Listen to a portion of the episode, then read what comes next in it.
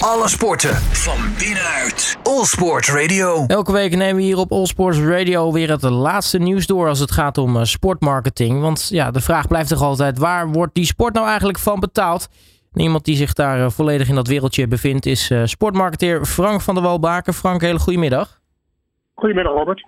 Nou, normaal gesproken kijken we in deze podcast altijd naar internationaal nieuws. Heel veel geld gaat erin om, grote dingen. Maar laten we eens even dichter bij huis beginnen. Want Frank, uh, jij, hebt, uh, jij, jij wordt partner bij een uh, reputatiebureau, IVRM Reputatie. En nu gaat er IVRM Sport gelanceerd worden. Ja, dat klopt. Dat is een enorme verrassing, ook voor mijzelf. maar toen het, de eerste gesprekken op gang kwamen op verzoek van dat bureau, kwam ik er al gauw achter dat het echt een schot in de roos was wat mij betreft. Omdat er, als je het woord reputatie gebruikt, dan moet ik niet anders concluderen dat de sport is groot geworden. Uh, niet zozeer dankzij, maar ondanks. Want de sport kan nog zeer nadrukkelijk werken aan de reputatie. Maar men verschuilt zich enigszins achter dat het gaat wel goed, want de populariteit, actief en passief van sport neemt alleen maar toe. Um, dus we doen het goed. Maar ondertussen weten we allemaal, en zeker in de huidige kritische maatschappij waarin we leven, dat sport uh, best wel wat mag werken aan reputatie. En dan zeg ik het voorzichtig. Uh, en dat leidt ertoe dat het bedrijfsleven dat sowieso zeer geïnteresseerd is in sport, maar nog veel meer zou kunnen halen uit een partnership met de sport. Als er gezamenlijk zou worden gewerkt aan de reputatie van een partnership, van een sponsorship. Dus um, dat is een redelijk nieuw terrein in het invullen van sponsorships.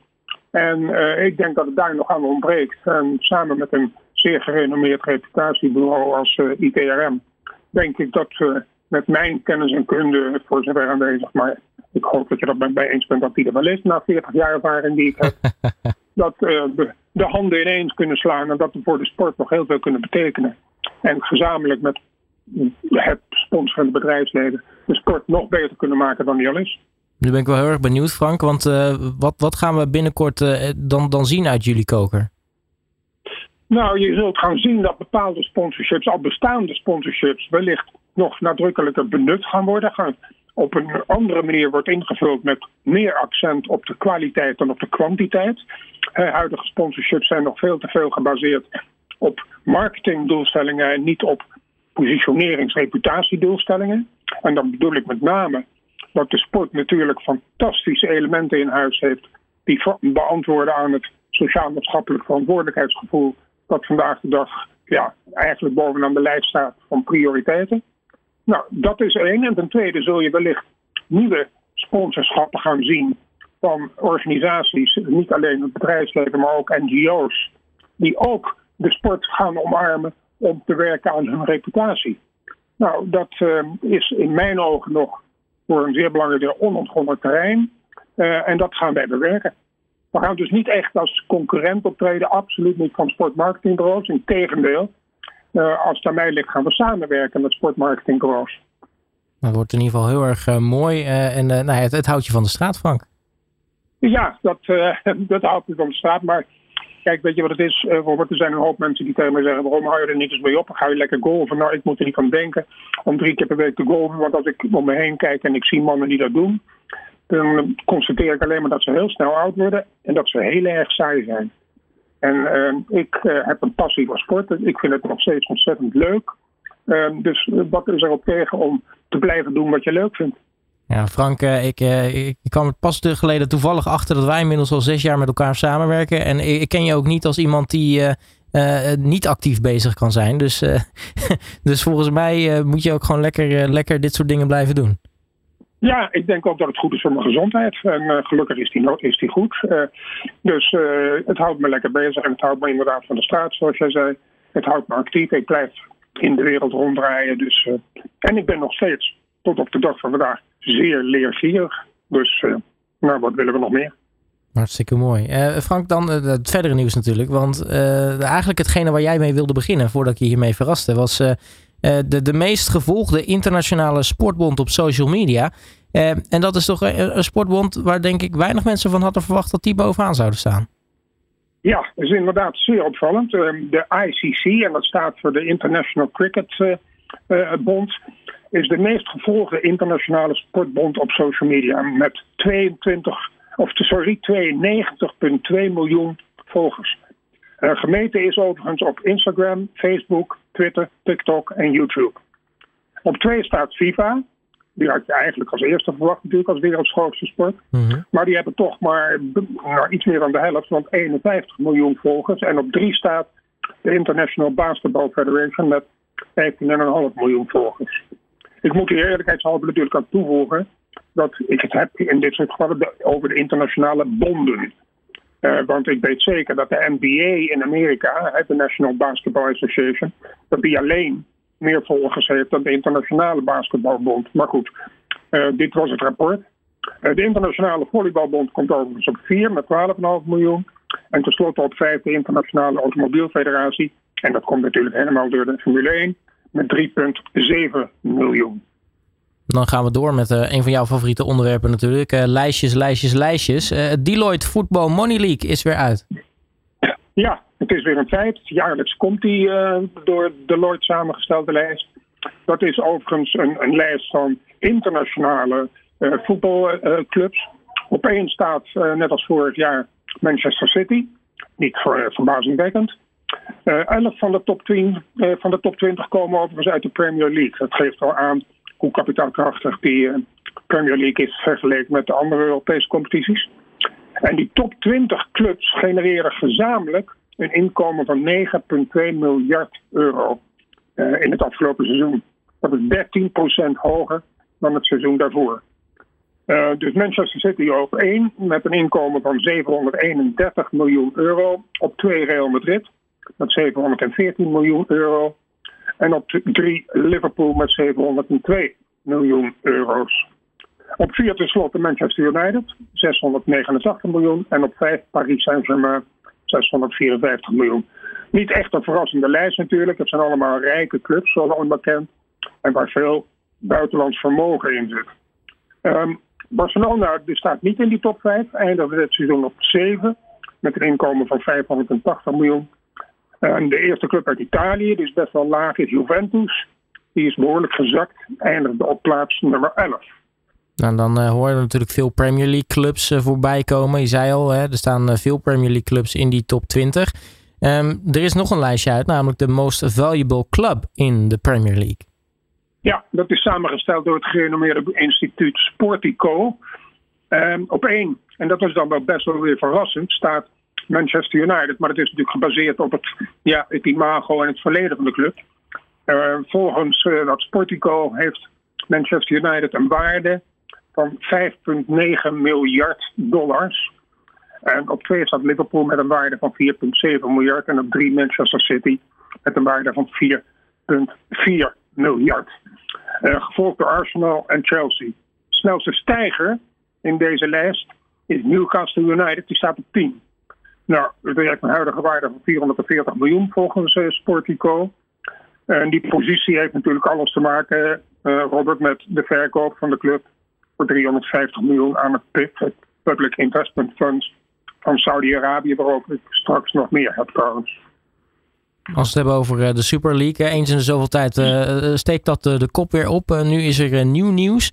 En dat is uh, nou ja, fijn voor de UEFA en de FIFA. Minder fijn voor de clubs die dachten uh, met geld vandoor te gaan. Uh, want de Europese Unie die heeft een streep gezet eigenlijk door die Super League. Want UEFA en FIFA mogen clubs straffen en schrappen uit competities als ze daaraan meedoen. Ja, UEFA en FIFA waren niet blij met die initiatieven natuurlijk van Super League. Die werden vooral gesteund door Real Madrid, Barcelona en Juventus. Uh, maar de, nu heeft inderdaad de Europese Unie bepaald dat de dreigementen waar UEFA en FIFA mee kwamen, dat zij clubs konden uitsluiten als ze zo een Super League zouden beginnen van nationale competities. Nou, de, de, de clubs die dachten dat kan UEFA en FIFA kunnen dat nooit eisen. Nou, nu heeft de Europese Unie dus verklaard dat ze dat wel mogen. Zij zijn de eigenaars tussen aanhalingstekens van het voetbal. En zij ze hebben dus onder zich de nationale bonden. En de nationale bonden hebben zich te houden aan de regels van UEFA en FIFA. En als UEFA en FIFA die regels vaststellen, dan is het zo. Dus de Super League kan voorlopig uh, de ijskast in als het wellicht niet de vuilnisbak in uh, is. En dat is zal UEFA en FIFA meer dan pleasen. Toch wel een interessant besluit hè, van, de, van de EU. Sterker nog, Robert, ik ben ervan overtuigd dat ze dachten dat het niet zou zijn. Want het past ook niet zozeer in het denken van uh, dit moment en het handelen van, van uh, overheden. Dat ze toch de, zoveel mogelijk het marktmechanisme willen volgen. En het marktmechanisme in dit geval zou zijn dat de clubs vrij zijn om zelf een competitie te vormen. Maar ja, die vrijheid hebben ze, maar daar staan ze volledig los. En dan mogen hun spelers ook niet meer in de nationale teams uitkomen. Dus dat zijn wel een aantal belemmeringen die echt zeer serieus moeten nemen. Een uh, aantal interessante nieuwe de zaken rondom het WK 2026. sterker nog, eigenlijk een interessante nieuwe manier van, van geld binnenhalen. Is dat de organisatie heeft bepaald dat, dat speelsteden nu hun eigen sponsors mogen aantrekken. Ja, dat is inderdaad een nieuwe ontwikkeling. Dat is natuurlijk om de organiserende landen die worden geconfronteerd met hoe langer hoe hogere kosten tegemoet te komen, althans enigszins tegemoet te komen. Um, wat heeft uh, men nu bepaald bij FIFA? Dat de lokale steden, die dus de, als gastheer optreden van één of meerdere wedstrijden, uh, die mogen lokale sponsors aantrekken. Maar er zit wel een mits aan. En dat, die komen erop neer dat die lokale partijen mogen niet in hun uitingen dat van hun betrokkenheid bij het WK de FIFA-logo's en de FIFA-naam gebruiken. Dus ze zijn geen partner van FIFA, ze zijn slechts partner van het WK voetbal in stad X. Die partijen mogen zichzelf uitsluitend als supporter neerzetten en niet als sponsor of als een andere uh, status. Uh, en de partijen, en dat is natuurlijk ook heel belangrijk, maar dat zou natuurlijk ook veel te kostbaar worden, krijgen geen exposure, geen zichtbaarheid rondom de velden met reclameborden, vlaggen of logo's of wat dan ook. De tegenprestaties zul je dan vragen, wat krijgen ze dan wel? Nou, ze mogen uh, uh, aanwezig zijn in hospitality natuurlijk. Ze krijgen stoelen en uh, ontvangstmogelijkheden in de stadions. En ze mogen zichzelf gaan branden, als presenteren als een supporter van het lokale uh, gebeuren in het kader van het WK voetbal. Dus ik ben benieuwd hoe dit gaat slagen. En wat ze niet vermeld hebben, dat vind ik best wel intrigerend. En daar ga ik nog eens achteraan. Want uh, wat nou als een, een, een, een, frisdrank, een lokaal frisdrankje, als die al zouden bestaan, zich zou willen presenteren als supporter. Terwijl Coca-Cola is een van de hoofdsponsors van zo'n toernooi. Dus wat ze niet vermelden in deze berichtgeving is... als er conflicterende situaties ontstaan wat concurrentie betreft... of dat wel of niet is toegestaan. Het wordt wel een hele andere manier van, uh, van sponsorships activeren dan. Want dat zul je dan voornamelijk in die steden zelf moeten gaan doen. Uh, en misschien rond het stadion. Want in het stadion wordt het dus dan sowieso afgekapt. Exact, exact. Dus uh, creativiteit is daar weer vereist. Nou, gelukkig zijn er genoeg creatieve marketeers op deze wereld, dus dat moet vast wel goed komen. Um, ja. Frank, de, de Serie A dan, um, die zijn in onderhandeling met niet de eerste de beste bank, JP Morgan Chase, voor de verkoop van hun mediarechten. Dat, dat is ook wel een interessante nieuwe ontwikkeling. Ja, het voetbal in Italië heeft te kampen met best wel wat problemen. De stadions raken nauwelijks of niet meer uitverkocht. Dus men is koortsachtig en creatief op zoek naar alternatieve vormen van financiering. En ze zijn inderdaad in Serie A al enige tijd in onderhandeling met allerlei partijen. Maar dit klinkt wel heel serieus. Inderdaad, dat de toch zeer gerenommeerde Amerikaanse bank JP Morgan Chase, zoals je al zei, um, is aan boord nu op dit moment bij, as we speak, bij de Serie A. En ze praten over een overname of een rol in ieder geval voor de bank in de verkopen in de verkoop wereldwijd, zowel nationaal als internationaal, van de mediarechten. En de, de bank zou bereid zijn per direct 700 miljoen euro op tafel te leggen, plus 1 miljard in de vorm van een bankgarantie voor de toekomst.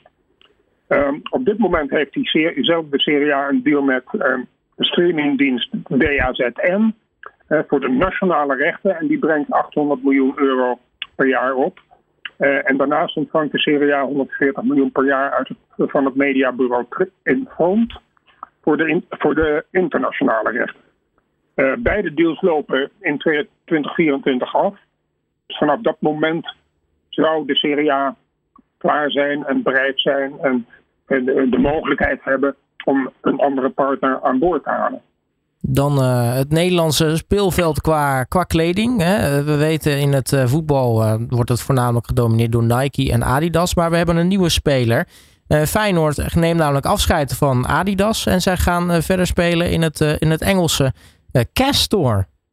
Ja, we zijn gewend natuurlijk, jij en ik als sportliefhebbers en alle mede-sportliefhebbers met ons, dat het voetbal wordt gedomineerd door Adidas en Nike. En dan misschien op een enige afstand, maar toch ook nog groot door Puma. Hè, want PSV zit bij Puma. Mm Ajax en Feyenoord zitten op dit moment bij Adidas. Maar Feyenoord gaat vanaf het volgende seizoen in, in zee inderdaad met Castor. Dat is een Engels kledingmerk. Die in Engeland al behoorlijk voet aan de grond heeft. Want uh, de clubs Newcastle United en Aston Villa spelen allebei in dat kledingmerk.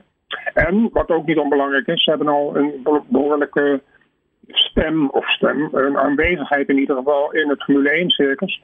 Want zij kleden de, het hele team van McLaren aan en het team van Red Bull. Dus ook onze Max loopt in uh, kleding van, uh, van Gastor. Dus ik ben benieuwd. Uh, Feyenoord is de eerste club in Nederland die in zee gaat met dit merk. En ik ben benieuwd of er meer gaan volgen. En dat kan volgens mij Feyenoord best wel wat opleveren. Hè? Dat is zo'n zo'n zo'n zo'n switch van kledingmerk.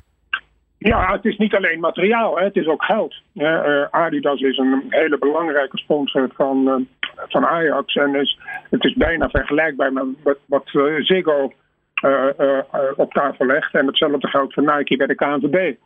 ING heet de hoofdsponsor te zijn van de KNVB en van het Nederlands elftal. En terecht, en zijn ze ook. Maar Nike is minstens even belangrijk als ING.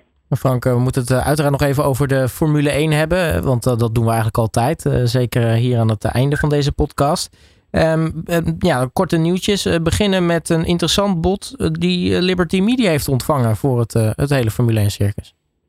Ja, als je het ergens hebt over toegenomen waarde in de sport, dan is het wel in die Formule 1. En nou ja, ik, ik heb zelf af en toe ook de neiging om te zeggen, nou, nou zitten we wel aan het plafond, maar dan word ik elke keer weer verrast. En dan blijkt toch dat er weer meer interesse is. Dus de groei is er kennelijk nog steeds niet uit. Uh, Liberty Media uh, is de huidige eigenaar van het Formule 1 circus. Vijftal jaar geleden kochten zij dat voor ruim 5 miljard euro's uh, van Bernie Ecclestone. Um, zij hebben nu een bod ontvangen, ditzelfde Liberty Media, voor het hele circus van het PIF, dat staat voor Public Investment Fund en dat valt onder de vleugels van de Saudische kroonprins Mohammed bin Salman. Voor maar liefst 20 miljard. Um, dat is niet zo'n kleine uh, verhoging van het, van het bedrag dat zij vijf jaar geleden hebben betaald. Uh, maar het is vooralsnog, uh, en dat kan een onderhandelingspositie zijn, is het in ieder geval afgewezen. Ehm, datzelfde PIF zit overigens al in de Formule 1 via het sponsorschap. Ze hebben een aantal vaste sponsors, zoals je weet. Eh, van Aramco, dat komt uit Saudi-Arabië. En zij, eh, dat PIF is ook weer de eigenaar tussen aanhalingstekens van het Saudi Motorsport Company. En dat, uh, die organisatie is de eigenaar van de Formule 1 race in Jeddah. Um, en daarnaast is Aramco natuurlijk ook een van de sponsors van het Aston Martin Formule 1 team. Um, dus het is uh, ja, met name uit het Midden-Oosten weer waar de interesse komt. En er zijn op dit moment overigens al vier Formule 1 races in het Midden-Oosten. Eentje in Bahrein, eentje in Saudi-Arabië, eentje in Qatar en eentje in Abu Dhabi. Dus uh, ja, het grote geld uh, in de Formule 1 komt hoe lang hoe meer vanuit het Midden-Oosten.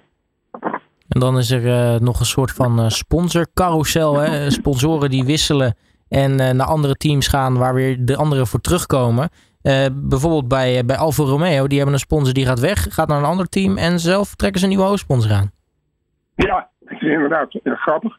Het Alfa Romeo Formule 1 team eh, heeft dus een nieuwe hoofdsponsor weten vast te leggen. Het is het Australische online casinobedrijf Stake. En het heeft voor drie jaar getekend voor Australische dollars 140 miljoen. Uh, het bedrijf blijft uh, sponsor als Alfa Romeo aan het einde van dit jaar wordt vervangen door Audi. Dus ze hebben getekend voor drie jaar. En het eerste jaar moeten ze het doen dus met Alfa Romeo. Uh, maar daar komt voor in de plaats aan het eind van het jaar Audi. En dat is misschien wel de reden waarom het, de huidige sponsor van het Alfa Formule 1 team, uh, het uh, Poolse oliebedrijf Orlen, um, heeft de, het team dus verlaten. en gaat niet uit de Formule 1 stappen. Dus het is niet een kwestie van dat ze ontevreden zijn over de Formule 1. Want ze worden de hoofdsponsor bij het tweede team van Red Bull, het Alfa Tauri team. En in dat Alfa Tauri team, en dat maakt het extra interessant voor ons, uh, krijgen we dit seizoen te zien Nick, uh, Nick de Vries, uh, de Nederlandse tweede coureur in Formule 1 circus na Max. Dus nou ja, die, die sponsorcarousel waar jij het over hebt, die is volop in gang. Aan de vooravond, want in maart hebben we alweer opening, de openingsrace van het Formule 1 circus. En dat was het voor deze week, Robert. Frank, mag ik weer hartelijk danken voor het uh, ons weer bijbrengen met al het laatste nieuws. En uh, spreek je natuurlijk volgende week weer. Tot volgende week, Robert. Alle sporten van binnenuit. All Sport Radio.